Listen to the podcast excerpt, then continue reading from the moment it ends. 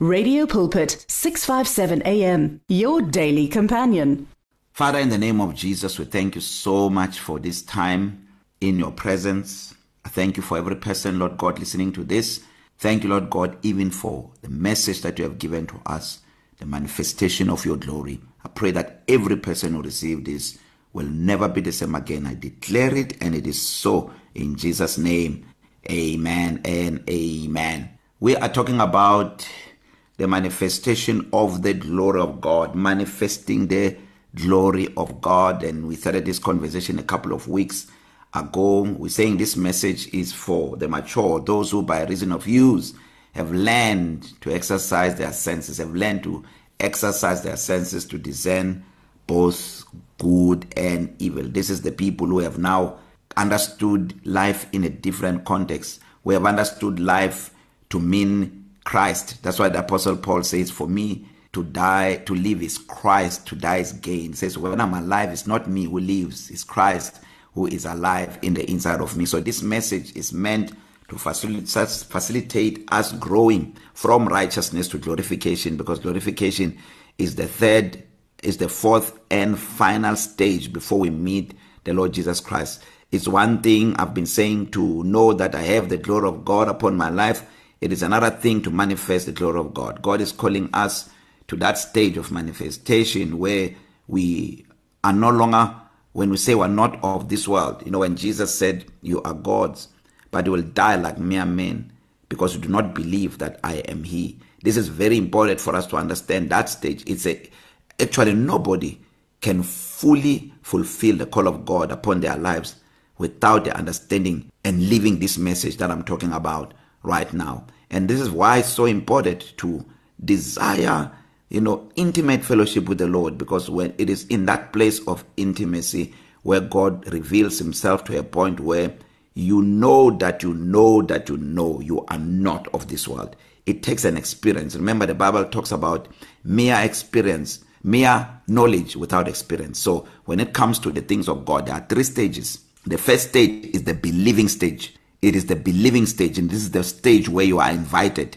uh, because for those he foreordained he also called this is the believing stage where he called because you need to believe for you to become saved and then there is the second stage which is the which is the which is the uh, um, uh, justification justification stage so when you're justified you you now ascend into a a a different level all all all together so when we talk about the process of uh, our of the or, or the process of maturity it is the believing stage which is the entry level and it is the knowing stage which is the uh, uh, justification stage because when there you have the holy spirit now where you get uh, the affirmation of the holy spirit you know you know that you are you are a child of god you know This is where the apostle uh, uh, uh, uh is, is, there's a difference between knowing and being persuaded. The, you you can you can I can preach a message that convince you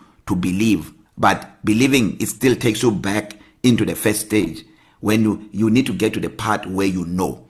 But it's also not enough to know because that is the justification stage, that's a righteousness stage. You need to go to experience. That's why the Bible talks about mere knowledge without experience it doesn't mean that the fact that you know you will have an experience no remember even uh, uh, John 8 uh, when you read verse 31 uh, Jesus the bible says the bible, the bible says that uh, Jesus said to those Jews who believed in him if you continue in my word or if you abide in my word says you shall be my disciples indeed and he says you shall know the truth and the truth shall make you free so the knowing of the truth makes you free but the experience of the freedom is another story altogether so that is why Ephesians is it Ephesians yeah if, uh, Ephesians uh, chapter uh, uh, 3 verse 19 yeah i think it is no is it yeah somewhere there it talks about the love of god and to know the love of god that passes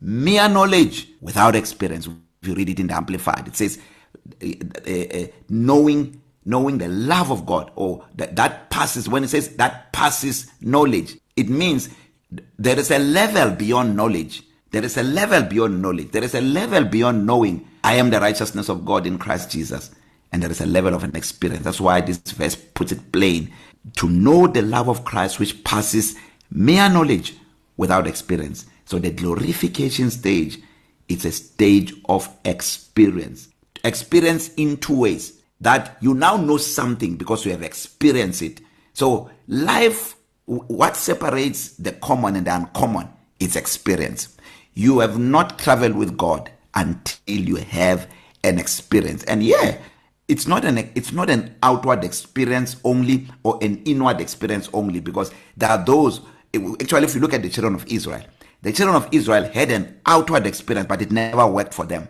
And I'm saying outward experience because they know, they saw God do so much. Remember them when God opens the Red Sea, they cross the Red Sea and now these people are excited. They now oh, our God is alive. They begin to sing and to worship. Ah, uh, shortly after that they get to Mara. They find bitter water.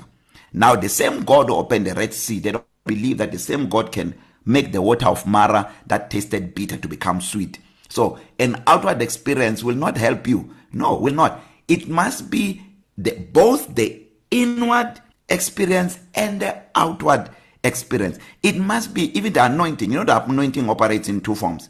There is the anointing within for guidance, for leadership, for direction, but there is an anointing upon which is for power and manifestation. So, if you are in a stage where you only have the knowledge of the word uh, and, and you have not grown to experience, you will still find yourself falling short. Because when you move now from a technon stage, a technon can interpret the word. A technon can can can can dissect the word, can preach powerfully. That is why technons who preach powerfully and the members tell them, "Oh, you preach so powerful." They feel they are powerful now to start the church, but there is a problem. Is the anointing within that does not reconcile with the anointing without. You need both the anointing within and the anointing without. Let me qualify this.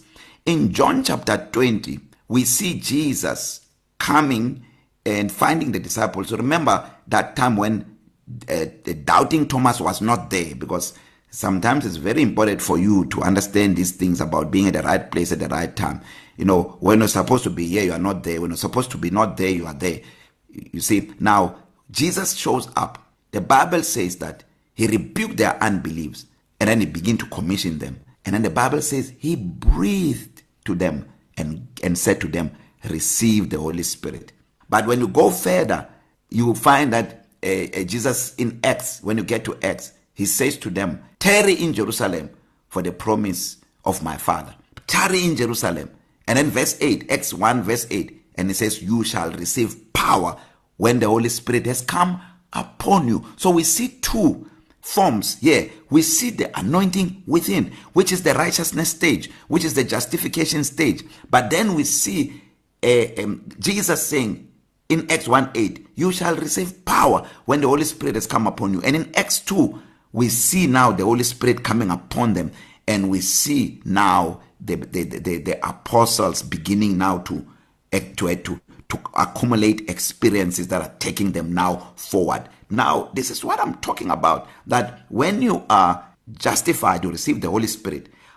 But the Holy Spirit begin to facilitate a process where the anointing that is inside must now reconcile with the power upon you and you carry the necessary wisdom to judge because the fact that you have the holy spirit in you and you have the holy spirit upon you does not mean that you you have the ability to judge the ability to know what to do in every given situation you need that reconciliation that is the level of glory and for you to walk in that level you need accumulation of experiences where god kills the flesh because God is in the business of killing the flesh. Let's look at the life of Abraham and look at these three stages. God calls Abraham from Ur of the Chaldeans. He says, Get out of your country, get out of your family, get out of your father's house. This is the invitation for those he foreordained. He also called. When he called him he, to come out of his family, it was a call like for us to come out of the world into salvation. Because remember, salvation it's a conveyance it's a transportation colossians 1:13 it says uh, um, god has delivered us from the dominion and control of darkness when you read it in amplified into the kingdom of the son of his love so there is a change of location that is why god called abram and god became specific because when he called abram abram began to facilitate a process of our salvation and you see exactly the four stages of romans chapter 8 in the life of abram god had to know Abraham first. He must have foreordained, predestinated Abraham beforehand. When he said, Come out, he was calling him. And also, we see something very important here because um, um, Abraham was not the first person he called. Just like uh, uh, Jesus was not the first person that God called. Note that. Jesus is called the last Adam. There was the first Adam who fell. God, if you look at the, at, at the life of Abraham, you will see that God called his father Terah first. In fact, when God called Abraham, Abraham was not in Ur of Chaldeans. Abraham was in in in in in a place called Haran. The Bible tells us that Terah left Haran to go to Canaan. He he, wa, he was called out of Ur to go to Canaan, but the Bible says he got to Haran and he dwelt there. When God called Abraham, he called them out of Haran.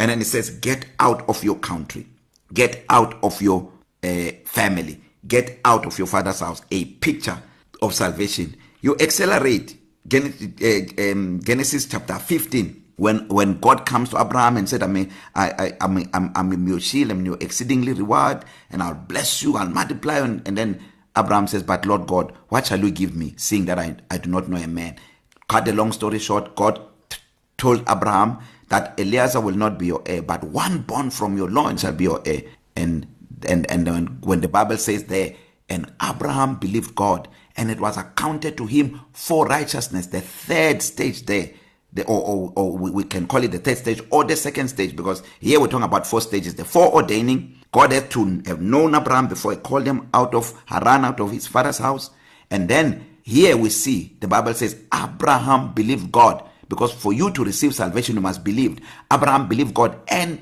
he was declared righteous by believing in God. But that was not the end. He needed to go to the fourth stage. And how did Abraham go to the fourth stage? Exactly the same thing that Mary experienced when God when God sent an angel to tell Mary when she was engaged that the Holy Spirit was going to become was going to make her pregnant. You must understand you need to reason this properly to understand the magnitude of the decision that Mary had to make.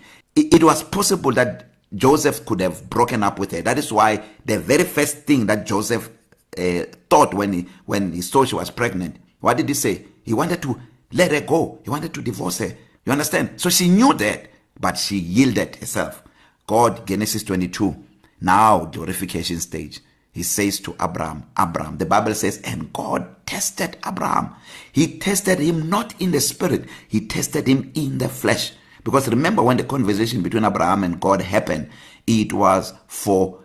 him to have a son. And what was the purpose of the son? So that he can inherit his estate. The estate here, yeah, it was an earthly estate, which had to do with everything Abraham had worked for. Everything, what was the sum total of Abraham. And then God come and say, now.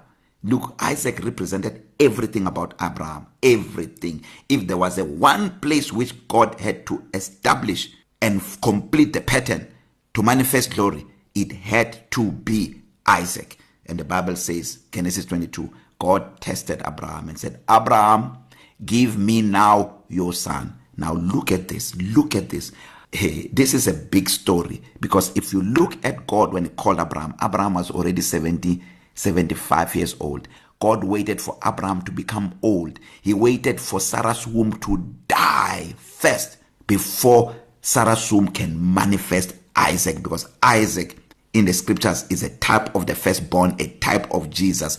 Nobody manifests Christ in all his facets unless the person has died. So God has established that pattern and that pattern could not be broken. That pattern had to be there everywhere you see manifestation of glory.